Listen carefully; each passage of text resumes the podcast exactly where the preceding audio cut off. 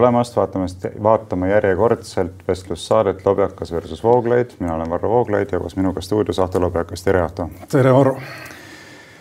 tänases saates leppisime kokku, et käsitleme kolme teemat, millest esimene puudutab politsei tegevust äh, eelmisel pühapäeval toimunud meeleavaldusel Tallinnas.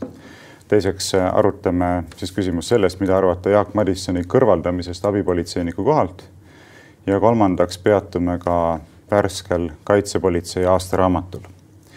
ja ilma pikema sissejuhatuseta läheme siis esimese teema juurde, milleks nagu juba öeldud, politsei tegevus Tallinnas toimunud meeleavaldusel, ennekõike möödunud pühapäeval, kus siis äh, asi, ütleme niimoodi, kulmineerus, võiks vist öelda, et pärast seda on äh, kuidagi need äh, meeleavaldused natuke väiksemas vormis, oluliselt väiksemas vormis jätkunud arusaadavalt ka pärast sellist politseipoolset jõudemonstratsiooni hirmutamist aga ma teen siis omalt poolt äh, otse lahti ja ma ütlen kohe ära, et minu seisukohad siin saavad nüüd olema päris teravad, sellepärast et ma viibisin ise ka pühapäeval sellel meeleavaldusel, nägin äh, vahetult, kuidas politsei tegutses, erinevalt, ma ei tea, paljudest nendest, kes on siin neid ajalehtede juhtkirju kirjutanud.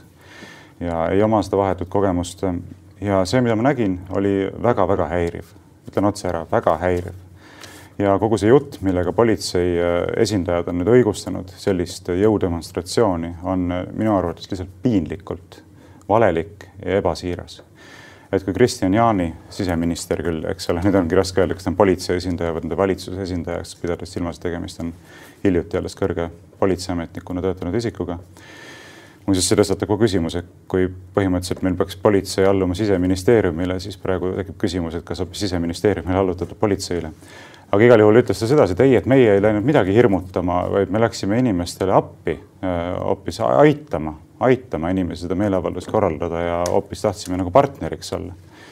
ja no kuule, et kui sinu eesmärk on reaalselt hoolitseda selle eest, et oleks tagatud mingid tervisenõuded, seal mingi kaks pluss kaks reegel ja muud sellised, siis on ju täiesti ilmselge, et sa ei tule sinna ütleme, roheliste mehik, suure hulga roheliste mehikestega, nimetagem neid eriüksuslasteks või kiirreageerijateks, mehed näevad välja nagu sõjaväelased, eks ole sa ei tule sinna sidumisvahenditega, mis on nende selja külge kinnitatud niimoodi hästi nähtavalt ja suured, sa ei tule sinna politseikoertega, no rääkimata sellest kvantiteedist, mida sa sinna kohale vead, et, et see jutt on lihtsalt täiesti valelik ja täiesti vastuvõetamatu minu vaatevinklist ja noh, kommenteerida on siin palju. aga ma ei taha sissejuhatusest kohe ise pikalt rääkima jääda, nii et ma annan sõnajärje sulle, ma ei teagi, mida sina sellest kõigest arvad. no see on hea, et sa ei tea võimalik, et ma kohe ütlen sulle, võimalik, et. Ähm, oleks väga teretulnud. ma ise ei olnud ühelgi, ühelgi nendel üritustest kohal. Äh, seega mul on selline abstraktne kaugem pilk, ma ei tea, kas ta selle võrra selgem on, aga, aga jah, mida minu pilk mulle kipub ütlema, on see, mida ma alati, mida ma olen, mida ma ise mõtlen, eks ta kinnitab neid mõttekäike ja igaüks võib siis mind kuulates hinnata, kas minu mõttekäigud üldisemalt on adekvaatsed või mitte, aga see, mida me näeme või nägime või mida sina nägid täpsemalt ja mina nägin siis läbi vahenduse, on, ma pakun, selline riigi kommunikatsioon, kui riik on noh, mingil hetkel nagu ütleme, kujutame ette riiki masinavärgina, siis mingi osa temast paljastub, ta satub vastakuti või vastamisi kodaniku, avalikkuse, üldsusega ja vastamisi ei ole mitte poliitiline võim, ei ole selline noh, ütleme siis minister kusagil seal või president kusagil siin või midagi muud, vaid on lihtsalt riigiaparaat oma igapäevases töös, kes on pandud olukorda, kus tema nüüd peab otsustama, kuidas reageerida. ja selles mõttes on näha juba see, eks, et poliit-, poliitikud on vastutusest taandunud, sellele sa ka osutasid. ja kas kogemata või noh, ilmselt ikkagi kogemata on meil siseminister, kes ei ole poliitikas kaua olnud, kes ei ole minu teada ühegi partei liige, kuigi ta esindab valitsuses Keskerakonda. ja kes ilmselt siis noh, andis sellise distantsi või lõtku võimaluse poliitilisele klassile, võimule, praegu valitsusele ennast kogu sellest situatsioonist distantseerida ja lasta siis politseil teha enda asja. aga noh, kui politsei hakkab tunde järgi kommunikeerima, siis me, siis nagu me nägime, ta kommunikeerib kõigepealt jõudu. jumal teab, millest lähtuvalt ja käitub nii-öelda tunde järgi. aga kui me nüüd, kui nüüd veidikene tagasi mõelda, esimene, ütleme siis viimane hetk, mil politsei nähtavalt käitus tunde järgi ja midagi olulist juhtus samasuguses olukorras, kusjuures samas kohas Vabaduse platsil, tuleb mulle meelde üks haige inimene, kes jooksis ringi linnas noaga, oli pikalt jooksnud ja mitte kellelegi liiga teinud. okei okay,, aga siiski noaga, eks. kui ta politseini jõudis, lasi politsei ta maha. see oli politsei tunde järgi käitumine. ja sama, samasugust ütleme siis nurka või no ütleme aspekti näeme me minu arvates ka selles politsei käitumises. ja ei ole hea, kui politsei jäetakse omapäi tegema otsuseid olukorras, kus politseijuhid ja politseinikud tunnetavad noh, ütleme sellist ebakindlust võimu poolt ja kui võim näitab ebakindlust, siis jääb meil üle siis noh, riik, mida ütleme, politseinikud ja struktuurid, mida loomulikult tuleb pidada enda omaks, aga mis siis noh, üritavad jätta endast muljet enda omadena kui, kui millestki, mille otsused on noh, kõigile kasulikud ja õiged ja head ja mida, mida, mida nagu ei tohiks kritiseerida. aga nagu ka see, millele sina siin tähelepanu viit-, tähelepanu juhtisid, juba see, kuidas nad välja nägid see, kuidas nad koosnesid eri, erinevate üksuste liikmetest ja ma loen kusagilt, ma oletan, et see on õige info. Lugesin uudist kusagilt, et nende nimesildid olid kadunud mm, -hmm. et politseinikud on järsku äh, mingite numbritega identifitseerib, identifitseeritavad, eks kõik see ei viita ju sellele, et tegemist oli äh, riigistruktuuri katsega anda mingisugust, ütleme sellist tuge või infrat teha nii-öelda äh, meeleavaldajatele, nagu politsei kohus on sellistes olukordades, kuna meeleavaldused Eestis ei ole keelatud ja nad ei ole ka lausa lubatavad, ma saan aru, meeleavald-, meelt võib avaldada ka siis, kui sa hiljem teatad, et sa meelt avaldasid, eks. see ei pea üldse mitte midagi kellelegi teatada. täpselt, politsei lihtsalt annab sellise toetava struktuuri, eks, see ei olnud toetus, see oli siin segu hirmust ja lihtsalt peataolekust mm, -hmm. ütleme, või mingist murest ja peataolekust ja mina tahaksin, et poliitiline võim võtaks selle eest vastutuse, mis nüüd toimub, ütleks selgelt välja, mis toimus, mis toimuma hakkab sellistel juhtudel ja mis toimuda tohib. Ja selle järgi on võimalik seda võimu hinnata, võimu kritiseerida, vajadusel ta siis valimistel maha võtta, eks. aga praegu on lükatud politseid tanki koos siseministriga. no ja, ja ma pean ütlema, et eriti kahju oli mul vähemalt osaliselt nendest politseinikest, kes seal platsil olid käsku täitmas. noh, ma tean seda, et lõpuni ei saa kõike õigustada käsu täitmisega. Ennast oleks täitsa huvitanud, et kuhumaani nad oleks selle käsu täitmisega olnud valmis minema. aga päris paljude näost olid näha, et ega nad seal tegelikult nagu viibida ei oleks soovinud. ma seisin ka ühe sellise rohelise mehikesega seal silmitsi, kes niisuguse väga jõulise positsiooni võttis seal niimoodi, noh tuli ise, mina seisin ühe koha peal, mina ei läinud tema ette seisma et eemale, eemale, eemale, no ma ütlesin, mida eemale, et äh, las ma seisan, et äh, ma ei ole siin kellegi külg kellega kõrvuti ja nii edasi. ja siis seisab, seisab, seisab, vaatab mulle tõtt niimoodi ja ma küsin siis noh, kasutades seda võimalust ära, et aga et tegelikult te ju teate ise ka seda, et te viibite siin ainult ühel eesmärgil, sellise rohelise univormiga, sidumisvahendid selja peale kinnitatud koerad niimoodi eh, hirmutada inimesi ja see ei ole tegelikult ju politsei ülesanne käia inimesi hirmutamas ja kui nad ennem olid nagu suhteliselt jutukad, rääkisid küll inimestega, siis mees lõi nagu silmad maha, ei tahtnud sel teemal nagu rääkida minuga. no ja ma sain aru, ma ei jätkanud ka, ma ei hakanud suruma midagi. et tegelikult mees ei tahagi seal viibida ja saabki aru, et see on vale, mida tehakse, aga lihtsalt keegi on andnud sellise käsu, et tuleb sellist asja teha.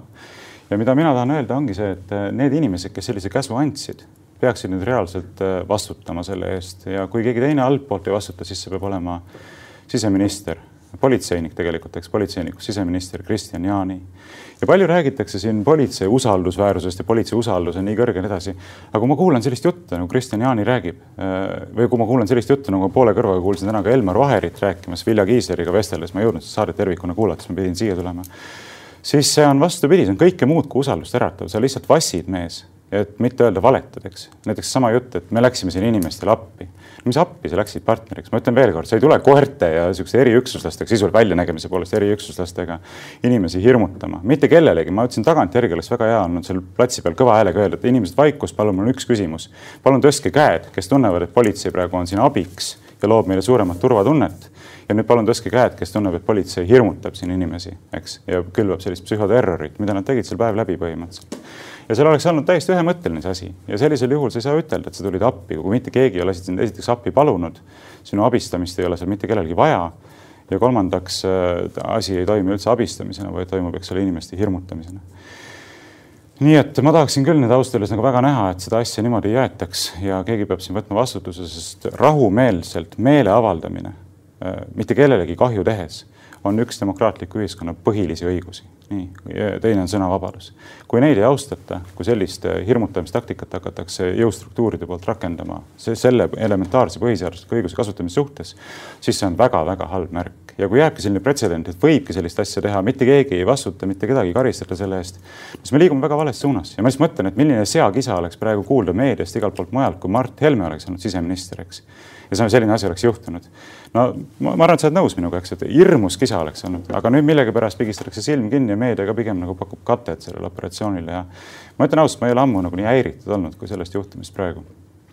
no jällegi ma saan ainult nagu välja talutada enda vanemaid mõtteid, aga meil on siin riigis terve rida institutsioone ja mitte kõik nii-öelda riigi või võimu omad, mis äh, nii-öelda iseenese hooleks jäetuna, äh, siis noh, suunamata jäetuna, eks käituvad viisil, mis näitab, et neil ei ole tegelikult arusaama sellest, mis on kaalul sellistes olukordades, neil ei ole tegelikult arusaama sellest, millised on need põhilised väärtused ja vabadused, mida meie ühiskonnas tuleb kaitsta iga hinnaga ja siis esimene kaitse ja seda on teinud meil siin riigijuhid juba aastakümneid, eks, on öelda, et need on meie inimesed, meie politseinikud, meie ajakirjanikud, nii edasi, eks, saagem aru. ja siis sellega kõik nagu ära lahendada, aga ma olen sinuga nõus, et see ei ole niimoodi ja see ei ole õige. kui siin, ja see on ilmselgelt on sattunud löögi alla ütleme siis antud juhul meeleavaldusvabadus kui selline, mis on põhiseaduslikult tagatud, eks siin ei saa olla mingit hämamist ega nurkade silumist ega midagi sarnast. ja tasub tähele panna seda, mida sellistes kontekstides on üha rohkem ütlemas õiguskantsler.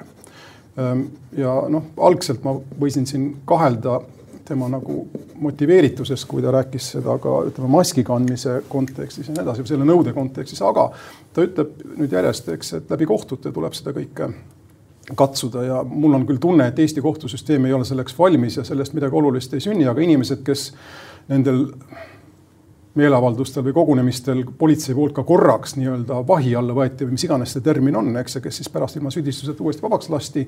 ka see kogemus tuleks tõenäoliselt neil kohtu all, kohtus küsimärgi alla seada ja küsida, kas riik käitus õigesti ja siin on see aspekt, millele sa rõhud, et iseenesest juba politsei poolt korraks kõrvaleviimine on, on jõumeede, eks. ja sellel jõumeetmel on omakorda järelmid, mitte ainult selle inimese jaoks, kelle peal seda rakendati, vaid ka teiste inimeste peal, kes seda kõrvalt vaatavad ja kes oma otsuseid ja plaane teevad ja mõistlike inimestena võivad otsustada, et olgu, siis kärbime iseenda vabadust siin natukene, eks. ja kõik see on, ja kõik see on, ja kõik see on vale.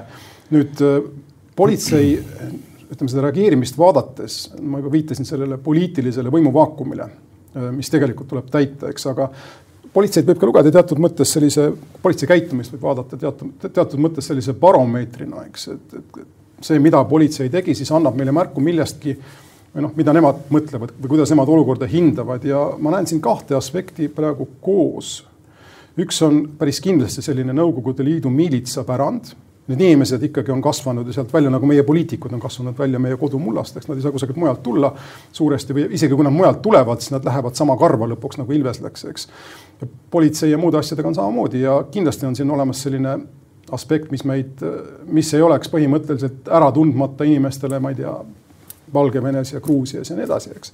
aga teine on muidugi noh, selline olukorra uudsus ja küsimus, mida siis kujutab, millist ohtu võib endast kujutada siis ütleme, selline meeleavaldus või teatavad selle osalused ja siin tuleb öelda, et on olnud, on olnud ka ju osa, osa, osalisi, kes on lubanud endale noh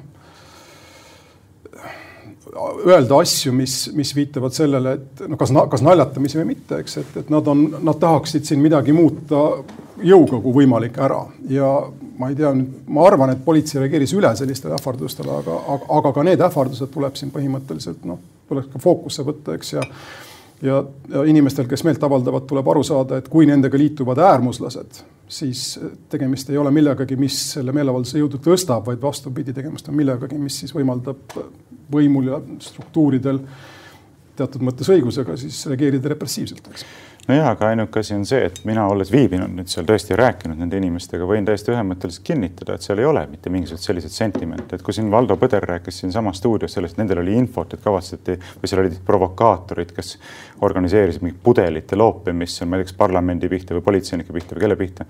no siis see on täielik vale ükski pudel pole mis, lennanud. mis pudel, kus, et ühesõnaga esiteks ei ole lennanud, teiseks pole ühtegi pudelit kuskil nähagi olnud, mida saaks lennutama hakata. ja kolmandaks siis, et leidke mulle üks inimene sealt, kes kinnitab sellist juttu. see on lihtsalt väljamõeldis, noh, vale lihtsalt. ja teine jutt on see, et mida Elmar Vaher rääkis, ma ütlen veel kord, kuulsin poole kõrvaga Vilja Kiislerile, et nemad lähtusid, politsei lähtus kaitsepolitsei ohuhinnangust, mille kohaselt oleks, oli valitsenud sel meeleavaldusel oht põhiseaduslikule korrale nii. nagu riigipöörde oht. oht jah, sõnu, sõnu, sõnu lobitakse väga lihtsalt. oht põhiseaduslikule korrale, no minge inimesed, vaadake seda meeleavaldust, täiesti rahulikud, lihtsad inimesed, võib-olla päris palju ka selliseid inimesi, kes ei olegi üldse maailmavaatest minu mõttekaaslased, sellised hipid ja ütleme, sellised rohelised, noh, ütleme, kelle kohta mõnikord halvustavalt öeldakse puukallistajad ja nii edasi. no mis oht põhiseaduse korral, mida te räägite? ja siis, kui Vilja Kiisler küsis äh, äh, Elmar Vaherilt, et aga milles see oht siis põhiseaduslikule korrale seisnes. no siis on muidugi see mugav argument, ei no see on salastatud, seda ma ei saa teile öelda, eks jube mugav on niimoodi ütelda, et meil on kaitsepolitsei ohuhinnang, oht põhiseaduslikule korrale, aga ma ei saa mitte midagi öelda, milles see seisnes või kes või kuidas niimoodi, siis sa võid ükskõik mida kokku luuletada, ilma et keegi saaks kontrollida seda asja, eks. no kapo on muidugi meil riik riigis ja selle juurde me jõuame. ja sinna jõuame, aga ma mainin ühte asja veel omalt poolt ära, et äh, minu arvates meedia peaks ka rohkem pöörama konkreetsetele õigusrikkumistele, mida me nägime politsei poolt nendel meeleavaldustel, näiteks see, kuidas inimesi peeti kinni. Täiesti õiguslikku aluseta, näiteks see, et keegi mängib kitarri, tinistab maas, üks, üks selline ka niisugune hipilik noor mees mängib kitarri ja politsei lihtsalt lohistab ta ära, ütleb, et see on õiguse rikkumine, et teil peaksite olema registreerinud avaliku ürituse ja nii edasi, mis on täiesti vale ei pea registreerima, avaliku koosoleku raames võib mängida pilli, keegi ei keela seda. see on üks huvitav nüanss. Ja Oudekki Loone tegi selle hästi puust ja punaseks selgeks. Facebookis, ta pani ridamisi ritta need põhiseaduse punktid ja siis vastavad seaduse punktid, mis ütlevad ja mulle endale tuli see ausalt öeldes üllatusena, ma ei ole väga tänaval käiv inimene selles mõttes, aga aga Eestis ei ole vaja meeleavaldamiseks või meeleavalduseks taodelda luba. ei ole.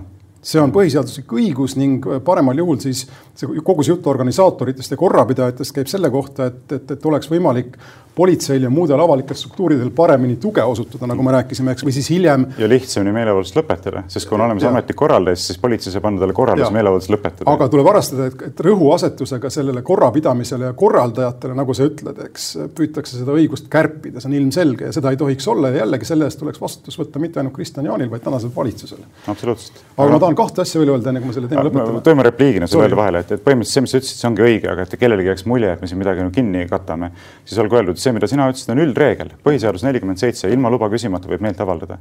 nüüd korrakaitseseadus seab teatud piirangud, sa pead registreerima meeleavalduse juhul, kui on vaja liiklust ümber korraldada, kasutad palju helitehnikat, lava, poodiumit, telki, midagi sellist. ja pandeemia seab omaette piirangud. see on, see on. aga mitte registreerimispiirangud. täpselt jah ja,, see puudutab ainult sellele paljud, et kohal. kusjuures need piirangud on täiesti mõistusevastased, eks, mitte mingisugust, ma ei tea, kellelgi on mingi teaduslik alus, et vabas õhus viibides mingi õudne viiruse leviku oht seal oleks, et noh, see on ka eraldi küsimus veel, et me küll, politsei jõustab piiranguid, aga need piirangud ise on sellised, mida demokraatlikus riigis ei tohiks olla, sest sa ei saa panna neid, sajad inimesed sõidavad bussidest, trammidest, trollides, eks ole, mitmekümnekesi koos. aga nüüd vabas õhus poliitilisel meeleavaldusel ei või olla rohkem kümme inimest grupis, absurd no,, ma segasin sulle vahele. ei, aga see on ka omaette küsimus, me rääkisime möödunud nädalal sellest ja mina ole kohal ei käinud, ma ei saanud päriselt aru, aga ma, kui ma nüüd õigesti aru saan, siis näiteks päris alguses, eks Lossi platsile kui need inimesed sealt ära aeti, lasti ainult kümme inimest, kuna seadus lubab lasta kümme inimest pandeemia oludes, aga no on ju ilmselge, eks, et Lossi platsil on ruumi rohkemaks ja küsimus ongi selles, kui sul on kümme inimest ühes pundis, siis milline peab olema vahe järgmise pundiga, eks, ja ei ole sellist asja, et paned kümne inimese, sisuliselt see tähendab kümne inimese limiiti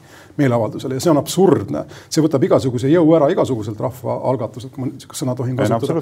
sellist asja ei tohiks olla. mida ma tahan öelda üldiselt on see, et kui ühesõnaga, mis siin peab hästi selgeks ja säravaks ja kirkaks jääma, on see seaduse sõna ja ükskõik kui valus seda on vaadata, sellest tuleb lähtuda, eks. aga üldisemalt, mitte, konkreetsemalt siis kaks mõtet, mida, mida ma tahtsin öelda, et jällegi jääks muljet ja mul ei ole seda muljet mõnda aega juba, et tegemist on mingi ainult EKRE üritusega või ühesõnaga, ma ei taha nagu sellel plaanis, selles plaanis üldse rääkida. aga et tegemist on päris mõistlike asjadega ka lääne kontekstis. esiteks ma vaatan, kuidas Saksamaal praegu valmistutakse infekt, infektsioonikaitse seaduse tugevdamiseks, mis annaks keskvõimule rohkem siis võimu, see on liidumaade ja muude asjade suhtes. ja kuidas, mis teeb lehtedele ja avalikkusele muret, on, et sellise seaduse muutmisega võetakse inimeselt sisuliselt õigus meetmeid kohtu kaudu protestida. Saksamaal väga tähtis küsimus ja ma arvan, et ka siin ükskõik, mis me arvame nendest meetmete protestijatest ja nii edasi, eks. see noh, nende ullikesteks pidamine on iga inimese eraasi, aga seaduse ja põhiseaduse vaatepunktist on neil õigused ja need õigused on see, mis peab hästi selgelt ja kirkalt siit läbi särama, eks. ja kasvõi seesama kohtus käimise õigus, mis nüüd Saksamaal on mureks saanud ja on ka Lääne-Euroopa mure. ning teiseks ma loen siin Saksa lehtedest, äh, nende eksperdid, viroloogid on äh, tuvastanud, et nende nakatust, nakatumistest siis igast tuhandest üks on välistingimustes põhimõtteliselt, kui inimene ei seisa sinuga vastamisi meetri kaugusele pikalt ja üksteise peale ei karju mm, -hmm. ei juhtu välisoludes mitte midagi. see ja, ja seegi on midagi, mida Saksa viroloogid üritavad Saksa valitsuseni viia. ehk siis, kui piiranguid seada ja karmistada, siis siseruumides. sa võid tualetis olla kümme minutit hiljem peale kedagi teist ja ikka saada viiruse, aga välistingimustes on see väga harv juhus. jällegi, kui me mõistlikult asja asjale vaatama, siis kui inimesed tahavad koguneda ja rahu, rahumeelselt meelt avaldavad, avaldada, siis midagi tähtsamat vähe asju on meie riigis, mis on tähtsamad kui see. vot see on väga oluline põhimõte, et küsimus ei ole lihtsalt suvalises kogunemises, vaid see on ja. poliitiline baasõigus, eks ole, et vähe on üldse olulisemaid poliitilisi õigusi, noh, sõnavabadus vast on, eks. aga need on omavahel nagu tihedalt seotud, see on osa. siin ma ei vaidlusega üldse ja noh, siin oleks tegelikult rääkida veel niivõrd palju, et väga-väga äh, palju olulisi punkte on, ma ei tea, ma võib-olla paari veel mainin, ennem kui edasi läheme, et, et muuseas sa huvitavalt mainisid seda, et tegelikult äh, kohtute kaudu peaks testima nende piirangute õiguspärasust ka. aga esimene asi, kus tegelikult on tehtud asi, mida mina nimetaksin sigaduseks, on see, et äh, need piirangud on kehtestatud üldkorraldusega. korraldus on üksikakt, mitte õigust loov üldakt ja selle kaudu on tegelikult välistatud üleüldse õiguskantsleri poolt võimalust teostada selle suhtes põhiseaduslikkuse järelevalvet. kui oleks tegemist üldaktiga, õigusloome üldaktiga. ei välistanud õiguskantsler, vaid tema ei saa. tema ei saa jah, sest valitsus on valinud sellise juriidilise vormi, mida õiguskantsler ei saa vaidlustada ja selle tõttu ongi niimoodi, et ainult üksikud isikud saavad seda vaidlustada kohtutes, aga noh, üksikutel isikutel ei ole ju sellist ametkonda taga, nagu on õiguskantsleril, eks. ja ma olen täiesti kindel, et õiguskantsler oleks juba nii mõndagi sellest kaks kaheksa, kaks kaheksa kahest Vabariigi Valitsuse korraldusest vaidlustanud, aga ta ei saa. aga meil on ju selline startup riik ja kui õiguskantsler on mõistlik inimene, siis ma kujutan ette, et ta enda ressursi saab ikkagi üksikute inimeste taha panna, kui väga vaja on. ma, ma soovitaks seda. nojah, aga no vot siin ta peab olema ilmselt ettevaatlik, eks ole, mul kuskil kaadrite taga öeldakse, et töötad valitsusele vastu, midagi nõustades inimesi mingisuguseid asju esitada. aga täpselt seda ta tohiks karta ja minu arvates ta selliste asjadega on ka tegelenud vähem tundlikes kontekstides, on võetud ette küsimusi, millele siis tema jurist, tema juristide nagu ressurss nagu rakendatakse ja minu arvates oleks väga mõistlik antud, antud küsimustes, kuna need küsimused on nii põhimõttelised, eks. sellega ma olen sinuga sada protsenti nõus, aga vot seesama, mis sa ütlesid, eks ole, et üks tuhandest, et sel hetkel, kui selline teaduslik info on teada, tuleks see osa sellest korraldusest tühistada valitsuse poolt no.. aga ma tahan tagasi tulla selle mõtte juurde, mis sa ütlesid, et kui oleks Mart Helme siseminister, jah, sul on täiesti õigus ja ma, mina siis arvaksin, et tegemist on, ma ei tea, putšiga, eks. no täpselt nii. täna ma niimoodi ei arva, sest ma arvan, nad on lihtsalt rumalad, aga ma tahaksin, et keegi ikkagi vastutaks. noh, sellega peakski lõpetama võib-olla selle teemakäsitluse, et keegi peab selle eest võtma vastutuse. ja läheme teise teema juurde.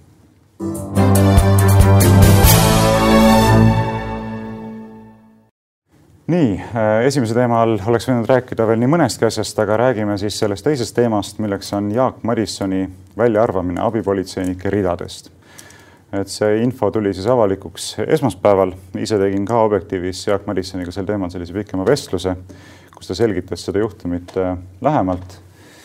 Äh, huvitav on muuseas sealjuures see, et äh, politsei selle menetluse, mis päädis siis Jaak Madissoni abipolitseinike ridadest väljaarvamisega, algatas, kuna kaebuse tegid Maris Helrand tegigi vist Maris Helrand MTÜ-s Süvariik tublid inimesed. jah, inimene kuulub ühtlasi ka liberaalse või sellesse sihtasutusse Liberaalne Kodanik. nii et tehti selline pealekaebamine, selle alusel alustati menetlust, menetlus Madissoni põhjendustest hoolimata jõudis siis otsuseni, et ta arvatakse politsei, abipolitseinik ridadest välja, sellepärast et kuidas see Kristian Jaani, siseminister, ütleski Esimeses stuudios abipolitseinik peaks vastama samasugustele väärtustele, nagu on politseiametnikele kehtestatud.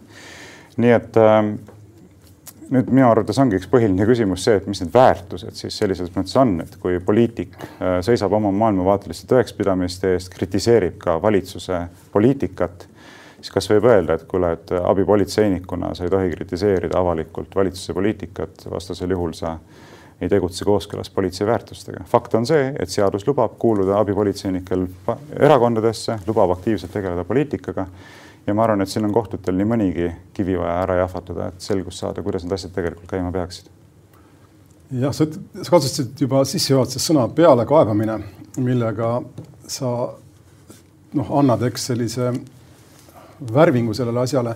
mina ei, ei. olen siin äh, teisel pool seda tara või mis iganes. ma saan täiesti aru, miks ühes mõistlikus demokraatlikus vabas riigis politsei ei saa enda vabatahtlike abiliste ridades taluda inimesi, kes flirdivad antisemitismi, natsismi, eh, immigrantide vastase vaenu ja muu sellisega ning muuhulgas ka teevad seda kõike meelega ja teadlikult, nagu ka näiteks eh, perekond Helme teeks täpselt selle piiri peal, kus on võimalik öelda, et aga me tegime nalja, aga me pole tegelikult tõsiseltvõetavad äh, ma ei tea, siin marurahvuslased või äärmusparempoolsed, eks kõik need mis iganes žestid, sellega mängitakse teadlikult ja politsei ei saa endale lubada sellist halli tsooni. muidugi nüüd, kui me just rääkisime politseist teises kontekstis, siis seda juttu on mul väga palju, väga, väga palju raskem rääkida, kui ma tahaksin, et mul oleks, eks.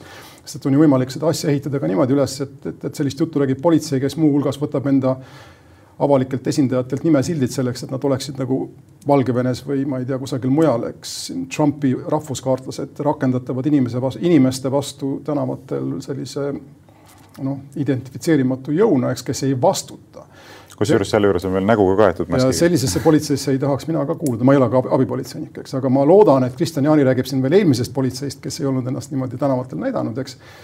Natuke liialdades. Ja sel juhul ma saan tast täiesti aru, sellised inimesed, ükskõik kui noh, õigustatud, ükskõik kui vabad nad võivad olla enda poliitiliste vaadete esitamises, siis andke andeks, inimesed, kes tegelevad antisemitismi ja natsismi ja sellise asja, selliste asjade ükskõik kui ütleme siis looritatud propageerimisega, ei, on selle riigi, sellise politsei väärtuste vaenlased kasvõi sellepärast, et nad ei saa aru ajaloost ega selle ohtlikkusest, mida mille sümboleid nad tegelikult kasutavad. Ja no arvata on, et noor Madisson on lihtsalt rumal, aga aga politseil ei ole siin valikut, nad ei saa talle ju IQ testi teha, eks siis vastavalt otsustada noh, siin on väga õige palju, mida kommenteerida, aga alustame sellest, et esiteks ma ei tea, et Jaak Madisson propageeriks antisemitismi või natsismi. End, endgültige lösung, see on, me võime seda debatti nüüd siin tundide kaupa jätkata, eks, aga need sõnad, ta ütles ise, et ta valis need sõnad meelega, see jäi mulle kusagil silma. ta teadis omast arust, mida ta siin tegi, eks, kasutas meelega viidet või ütleme tsitaati äh, natside retoorikas, kui need rääkisid juutidest, no anna andeks immigrantide puhul. no aga see ei ole nüüd küll natsismi propageerimine, ütleme nii, et see on, me võime vaielda siin selle sõnakasutuse nagu põhjendatuse või mõttekuse üle, aga natsismi propageerimine see nüüd küll ei ole. okei kaks tuhat kaksteist. kaks tuhat kaksteist blogi äh, siin ma käisin spetsiaalselt vaatamas seda teemat enne seda saadet, eks selles blogis kirjutas ta, et fašismil ja natsismil on palju häid külgi, eriti fašismil, mis rahvusriiklusele kasuks tuleksid, eks, et kõike tuleb hinnata noh, nagu oleks kaks poolt asjadele, ei ole kahte poolt natsismil ja fašismil. kusjuures see on kaks tuhat kaksteist, täna on kaks tuhat kakskümmend üks, me võime öelda, et tegemist oli veel noorema inimesega, eks nii edasi, aga ta pole selle eest kunagi vabandanud. kui ta tuleb ja vabandab, minu pärast teeb selle nii-öelda laua puhtaks, alustab puhtalt lehelt. ma olen nõus, mina olen isiklikult siis nõus, et tehku mida tahab, olgu abipolitseinik, eks seni kuni ta tagasi ei võta selliseid sõnu, seni ta ju asetab küsimärgi kogu meie vabadus, vaba ühiskonna peale. noh, ja ma ei tahaks nüüd sinna vaidlusesse minna, aga põhimõtteliselt võib igati küsida, kas fašismil ei ole mitte ühtegi positiivset aspekti, näiteks tugev riigivõim muudab ju riigivõimu ka tõhusaks. kas, tõhusus. Siis, kas riigivõimu tõhusus on positiivne asi või ei ole? kas, kas loote tapmisel ei ole ühtegi positiivset aspekti, näiteks me saame sealt mingit materjali selleks, et seda uurida, tead, no, no täpselt. siin on sulle koht, kus ei ole vaidlemise küsimust, minu jaoks selle vaidlemise küsimust vaba ühiskonna põhiväärtuste küsimärgi alla seadmisel. me oleme siin selles mõttes ei no me ei seagi vaba ühiskonna küsimuse, ärge jälle ütle, et riigivõim on tõhus, see on iseenesest positiivne ideaal või ei ole positiivne ideaal? riigivõim on tõhus, aga riigivõim on, on organiseeritud mitte. aga ta peab olema ka mitmed muud asjad loomulikult, et ja sa... need on fašismis puudu. ja tõhus on enam-vähem nagu öelda, et ma ei tea mul ei tule hetkel ühtegi võrdlust pähe, aga tõhusus, nagu sa ütled, saab saavutada teistmoodi ja tõhusus ei ole kunagi esimene. kindlasti saab saavutada alati, ühesõnaga siin sa, see, millele, millega sa vastuolu lähed, on, on, on, on ütleme siis klassikaline lääne mõtlemine ehk siis kõik tuleneb mingisugusest alusest ja see alus on see, mis on A ja O ja põhiline ning alus läänes tänases ühiskonnas on indiviid ja tema vabadused ja kõik peab sellest järgnema. mitte niimoodi, et selle all on veel omakorda mingi tõhususe kriteerium ja siis indi, indiviidi vabadus võib selle tõhususe ajal kuidagi piirata, sa ei ole ju sellega nõus. me politsei debatis just rääkisime sellest printsiibist lähtudes, et inimene võib enda mõtteid ja nii edasi avaldada, ta on vaba. Madisson esindab midagi, mis inimestelt võtab selle mõttevabaduse ära või esi-, ütleme, avaldamisvabaduse ära, kui vaadata, mis juhtus Itaalias, mis juhtus Saksamaal, eks. no ma ei ole nõus sellega, ütleme nii, et noh, ma ütlen, ma ei taha nagu siia minnes, me räägime muidu terve, terve aja sel teemal, aga kui me vaatame, millest Madisson seisab konservatiivina, siis ainukesed, kes päriselt seisavad praegu päris kodanike õiguste ja vabaduste eest, ongi konservatiivid, seisab sõnavabaduse eest, õigusest eest omada relvi, seisab südametunnistuse vabaduse eest, kogunemisvabaduse eest, eks. õiguses kasvatada oma lapsi kooskõlas oma tõekspidamistega. aga ta on ju tulelipp, eile Il Duce täna Vaba Eesti no nojah, ütleme, las tema räägib iseenda eest ise, mina ei taha tema advokaadina siin käituma hakata, aga mind huvitab pigem see palju põhimõttelisem küsimus, et äh, sinuga on selles mõttes hea rääkida, et sina ütled nagu otse asjad välja, onju. selliste vaadetega inimene ei tohiks politseisse lihtsalt kuuluda nagu Jaak Madisson, eks. Aga politsei, mida teeb, hakkab, hakkab otsima mingisuguseid ettekäändeid, eks nagu hakkab vassima. ei, ei, ei, meil ei ole siin mitte mingisugust nagu maailmavaatelist sellist filtrit, eks ole, et ikka erineva maailmavaatega inimesed võivad olla nii edasi. aga meil on mingi politsei sellised baasväärtused nagu usaldusväärsus ja mis see teine oli seal vot seda ma ei tea, mis nad ütlesid, see on, see on huvitav mõte. ja siis üritad kuidagi nagu kuidagi nagu manada sealt niimoodi, et ei, et ikkagi vot need avaldused, mis ta Objektiivis ütles niimoodi, vot need olid ikka vastuolus nende Objektiivi intervjuus, minuga tehtud intervjuus, sellepärast ta lihtsalt vallandati. okei okay,, seda ma tegelikult tahtsin öelda, aga jäi ütlemata, et politsei oleks pidanud ta välja viskama mitte aastal kaks tuhat kakskümmend üks, vaid aastal, mis iganes ta sinna astus nojah, aga siis võiks teha väga suure puhastuse ja visata sealt välja kõik nagu äh, sellised inimesed. see on teine teema, aga põhimõtteliselt jah, politsei võtab. tegema ennast... maailmavaatelise ankeedi, põhjaliku sellise, nõudma, et kõik politseinikud vastavad ausalt kõikidele küsimustele ja kellel on valed vaated, need siis kõrvaldama. ei no pigem, pigem lihtsalt test on see, et ära, ära ole avaldanud natsistlikke vaateid minevikus ja kogu lugu, kui, kui pole, siis oled abi. aga see see ainukene probleem ei saa olla no,. ikka paljud teised probleemid on ka, et tuleb ikka läbi kombata. vaata, kui sa kaitsepolitsei aastaraamatut loed. Äkki siis..., äkki ei ole piisavalt salliv suhtumine näiteks seksuaalvähemustesse, noh, kas sellised inimesed võivad siis töötada politseis no.? kusjuures see on ka hea point, sest et kindlasti on politsei meil täna avatud, kui küsida Kristjan Jaani käest, sa võiksid proovida seda trans, transinimestele, rääkimata gei inimestele, kes on ammu seal, ma olen kindel ja kes naudivad enda identiteeti vabalt nagu kõik, kõik muud vabad inimesed. no näiteks ongi, et testis on konkreetne küsimus, et kas inimene on sellest soost, mis ta ise ütleb, et ta on, sõltumata tema bioloogilistest faktoritest. vastad ei, palun, enam ei ole kooskõlas politsei väärtustega. ma isegi ei saanud aru sellest mõttest, sellest soost, mis ta ütleb, et ta on. no lihtsalt ühesõnaga inimese sugu sõltub tema enesemääratlusest, on ju, mitte bioloogilisest. ei nagu..., küsimus on rohkem selles, et kas ta aktsepteerib teist, kas sa aktsepteerid teisi inimesi, kes ennast niimoodi määratlevad. kui aktsepteerib, fine, kui ei aktsepteeri, siis välja. aus nagu, täpselt nii. aga vot siit võib-olla jõuamegi mingisuguste praktiliste soovitusteni Politsei- ja Piirivalveametile, et tuleb äh, võib-olla saad isegi abiks minna neile, et see ankeet koostada, et mis seal täpselt küsida tuleks kõikidelt politseinikelt ja siis panna paika ka see kvoorum, et mis tuleb ületada selleks, et säilitada oma koht Politsei- ja Piirivalveameti teenistujana. tead, ma ütlen kõik vabalt, ütleme kartmatult välja ka sellepärast, et mind keegi ei kuula, ma olen selles mõttes ei ole mõtet minule loota, et ma läheksin kedagi nõustama no,. äkki oskad nõustada, kedagi soovitada neile, Tarmo Jüristo või keegi teine selline valgustatum inimene. see on surmasuudlus, kui ma nüüd ütleksin, et Tarmo Jüristo on kõik läheks edasi, see, on nagu põhimõtteliselt nagu nakkus, eks. ma üritan seda no, hoida. ja nali naljaks, aga ma usun, et sa ise saad ju ka aru, et, et meil on tegelikult probleem, et kui meil tuleb nüüd nagu ütleme, võimu, võimuvahetus Eestis, tuleb selline põhimõtteline kursimuutus, siis me ütleme teistpidi. printsiibina sul on õigus. liberaalselt kõik... vaadatage inimest välja, pumm, meil on rahvusriik, kes ei tunnista seda printsiipi, minema niimoodi. kõike seda tuleb täpselt mõelda selles perspektiivis ja siis tõmmata sellele bilansile joon alla ja vaadata, kas selle joone alla jääb asju, millega sa oled nõus noh, ütleme, mille, mille pärast sa oled nõus riskima ka sellega, et tuleb Mart Helme võimule, heidab sind välja abipolitseinike ridadest, eks. ja ma mm. ütleksin, tulen tagasi, natsismi glorifitseerimine, antisemiitlus ja muu sarnane on selle joone all ja sõltumata sellest, mida Mart Helme võib teha, tuleb igal juhul sellised inimesed välja visata abipolitseinike ridadest ja, aga siis sa lood ka pretsedendi, millega pärast saab teha täpselt samamoodi ja. sinu mõttekaaslastest. aga see on väärt seda, samamoodi nagu sündimata, ei nagu sündimata laste pärast oled ka sina nõus sõtta minema, eks on mingid printsiibid, mille, mille osas ei ole võim-, ei ole võimalik äh, järeleandmisi teha.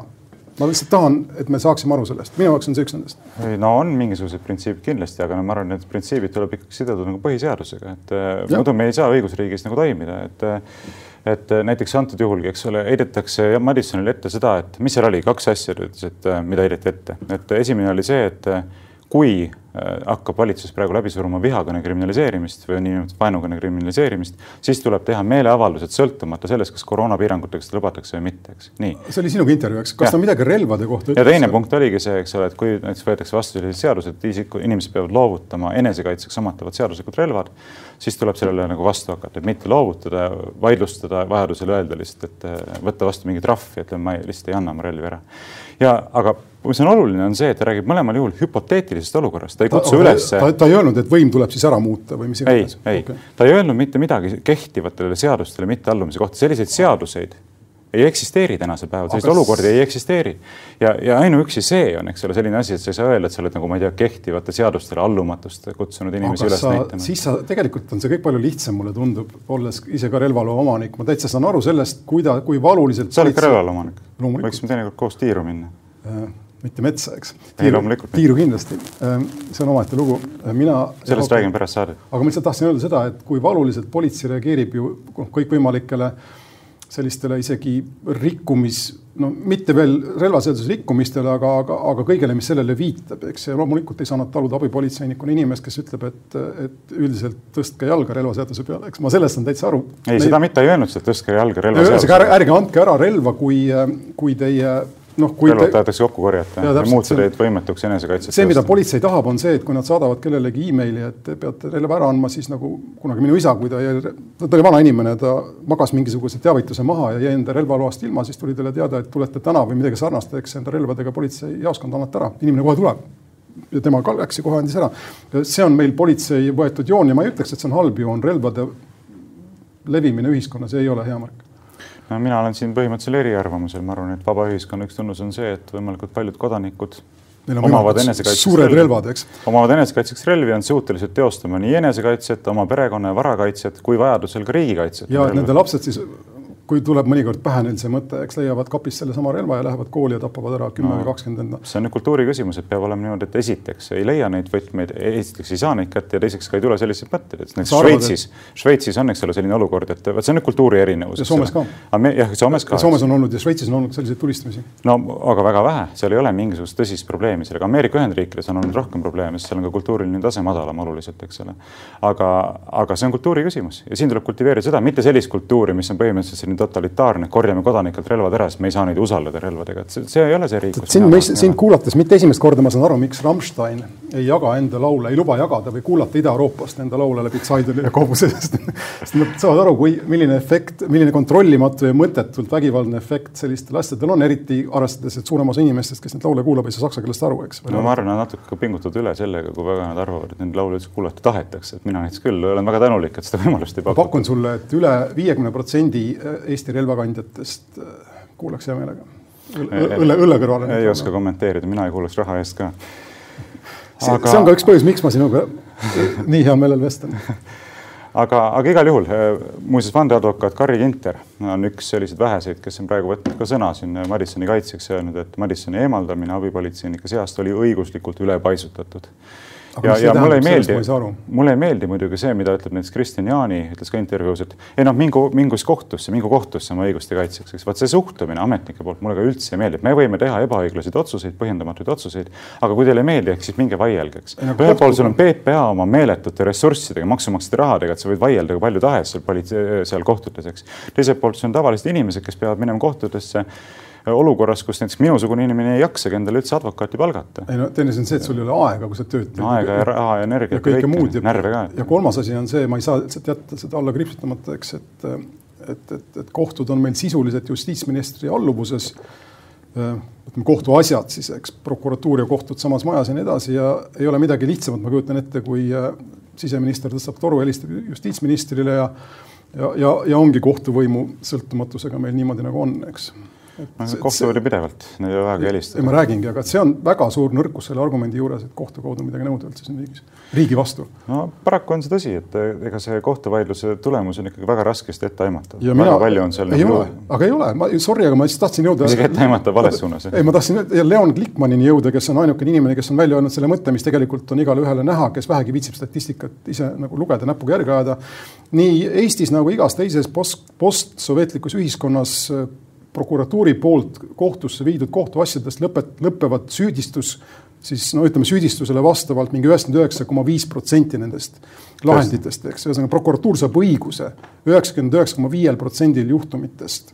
ja see on sama Gruusias muuseas ja igal pool mujal. meil ei ole tegemist selles mõttes kohtusüsteemiga, kuhu sa prokuratuuri poolt sinna viiduna võid realistlikult loota, et, et sa hea kaitsega tuled sealt välja. ja ma millegipärast ei usu, et see on tingitud ainult sellest, et nad lähevad kohtusse ainult selliste süüdistustega, mis ja. on nagu sada protsenti vettpidavad. ei, ei, see on süsteemi, see on seesama süsteemi viga, et prokuratuur ja kohtud on tegelikult äh, ühe, ühe näo kaks põske, eks nii, aga ma jätan sulle selle teema kokkuvõtteks omapoolse lausega, mina ütlen lihtsalt omalt poolt seda, et mulle tundub, et see Madissoni kaasus näitab meile, et ka südametunnistuse vabadus, veendumuste vabadus on selline asi, mis hakkab jällegi nagu üritatakse jällegi koomale tõmmata, see on väga selles mõttes põhimõtteline oluline pretsedent, mis selles kaasuses sünnib.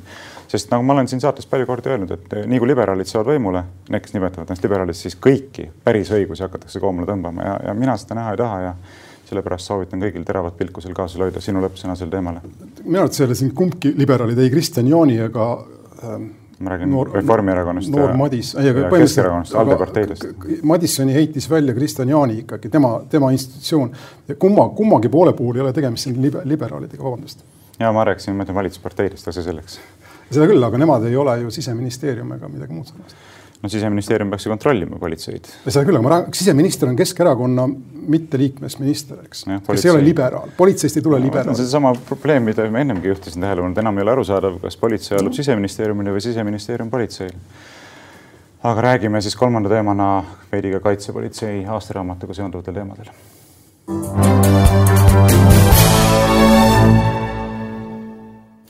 Nonii viis minutit selle teema käsitlemiseks, loodame, et midagi olulist jõuab ära öelda, kui ma liiga pikka sissejuhatust ei tee.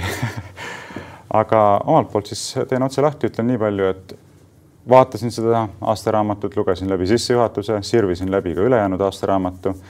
ja minu jaoks peamine küsimus seda kõike vaadates, lugedes on see, et mis on kogu selle aastaraamatu tegelik mõte et see, mida mina tahaksin sealt aastaraamatust lugeda, sellised tehnilised andmed, eks ole, et eh, kui palju inimesi eh, pealt kuulati, kui paljude inimeste suhtes teostati muid jälitustoiminguid, mitu kriminaalmenetlust algatati, mitu viidi kohtusse, mitu jõudis süüdimõistva otsuseni, mitu ei jõudnud kuidas teostati järelevalvet kaitsepolitsei üle, kes seda teostas, milliseid kaasuseid esile tõsteti probleemsetena?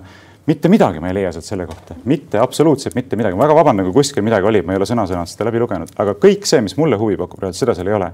ja mida seal siis on? on sellist väga palju nagu maailmavaatelist, ideoloogilist, ütleme meelsust kujundavat ja sellist. Ja siis minul lihtsalt tekib küsimus, et vabandust, et mis kaitsepolitsei funktsioon on, mis tema ülesanne on ühiskonnas, kas kujundada ühiskonna meelsust või reaalselt äh, täita mingisuguseid muid äh, õiguskaitseorganile kohaseid ülesandeid. tahad, ma vastan on see retooriline küsimus? no ei vasta, vasta. see, mida sa siin näed, on täpselt sama, sama, mida ma äh, diagnoosisin politsei puhul siin konkreetselt nüüd meeleavalduste kontekstis, eks üks institutsioon, organisatsioon, mis on omapäi jäetud, reageerib oma parimatest noh, oskustest tulenevalt ja üldiselt siis juhtub nii nagu ikka Venemaal tihti, eks, et tahtsime parimat, aga läks nii nagu ikka. politseiga oli meil niimoodi, aga muidugi kaitsepolitsei ei tee midagi juhuslikult ja tegemist on institutsiooniga, mis on, ütleme siis, ma ei oskagi öelda, kas institutsioon on õige sõna siin, aga tegemist on riigiametiga, mis on iseseisvunud ja mis teatud mõttes seab standardi ka teistele sarnastele institutsioonidele. Need on siis Välisluureagentuur ja nüüd ka sõjaväeluure ning mis siis nagu see väline tundemärk on iseseisvunud institutsioonist, kes võib dikteerida, mille ametnikud võivad dikteerida siis väärtuspõhiseid, ütleme, seisukohti või väärtuseid lausa ka poliitikutele, ülejäänud ühiskonna, ühiskonnale, on seesama aastaraamatu traditsioon, eks alguses andis selle välja kapo, siis hakkas seda pärast Mikk Marrani minekut sinna välisminist-, välisluureagentuuri, hakkas seda tegema Välisluureagentuur või amet ning nüüd teeb seda, oh õudust, ma nägin vist esimest korda ka sõjaväeluure, eks, kusjuures kõik see taandub teatud mõttes ühele konkreetsele nagu hoovale, mis siis annab ühtepidi nagu jõu ja teistpidi on, peaks olema kõigile mõistetav, miks need amet, miks need ametkonnad annavad välja neid raamatuid. see on Vene oht, eks. põhimõtteliselt meil on kolm aastaraamatut, kapo, Välisluureamet ja nüüd sõjaväeluure ning kõik nad räägivad Vene ohust erineva nurga all, eks luup on sinna peale tõmmatud ning see luup siis annab inimestele, kes nendes agentuurides töötavad, võimu, sest et ei ole ju, ei ole olulisemat asja Eesti Vabariigis, kui on Vene oht ja me kõik unustame, et on küll olulisem, olulisemad asjad ja need on needsamad väärtused, millest me mm. rääkisime, eks, alates siin meeleavaldamise väärtusest kuni, kuni, kuni poliitikute kusjuures õiguseni ise otsustada, mis on ja mis ei ole oht, eks praegu selles küsimuses ei ole ühelgi poliitikul julgust öelda midagi, mida kapo heaks ei kiida või mis, või mis kapole vastu, välja arvatud Yana Toom ja mõned üksikud, kes teavad ka ühtlasi, et nad kunagi ei saa absoluutse võimu omanikeks Eesti riikides, nad Eesti riigis nad ei saa kunagi peaministriks, eks. või isegi noh, Yana Toom ma ei tea, kas teda lastakse ministriks, igal juhul kapol on siin käsi ees ja sellist asja ühes vabas riigis tegelikult ei tohiks olla. ja vastab ka küsimusele, miks nad seda teevad, eks. tegelikult nad ei tohiks neid aastaraamatuid välja anda ja peaksid ainult piirduma, nagu sa ütled, sellega, et lugeda üle, üles enda tegevuse statistiliselt ning seal kõrval peaks olema siis riigikontrolöri või kellegi teise hinnang, kuidas see kõik oli seaduspärane või ei olnud. jah, nõus. selles mõttes jah, siin on pikk jutt ja ma võiks punkti eraldi vaadata, aga üldiselt ma olen nõus ma arvan samamoodi, et äh, need, nende väärtuste austamine on palju tõsisem oht Eesti ühiskonna terviklikkusele, julgeolekule, äh, heaolule, sellele, kas me elame vabas ja õiglases ühiskonnas, äh, kui on seda mingisugune Vene oht. vabandust väga, et kui nüüd keegi ei nõustu sellega või arvab, et seisukoht on vale, siis tal on loomulikult selleks õigus. aga jah, selline fiksatsioon sellele teemale see on muidugi eraldi küsimus, et kui ma vaatan seda kapo aastaraamatut, noh, siis on nagu täiesti avalikult ja selgelt ütleme, selline vaenulik hoiak Venemaa suhtes. noh, kas see on põhjendatud, võib-olla osaliselt on põhjendatud, osaliselt ei ole põhjendatud, ma ei taha selle üle rääkida. aga kas seda on vajalik sellisel viisil nagu äh, manifesteerida? see on poliitiline otsus ja see ei tohiks olla amet, ametkonna tasandi otsus. kas see kuidagi tuleb kasuks meile, kui meil on nagu võimalikult teravad ja vaenulikud suhted, et ma, ma ei saa sellest aru. minu meelest kaitsepolitsei loomulikult võiks teha oma tööd sellega, et selle, sellel suunal, et tuvastada, eks ole, spioonid, tuvastada kaastöötajad, need, kes reedavad riigisaladusi, need, kes kujutavad Eestile ohtu, tehke oma tööd loomulikult.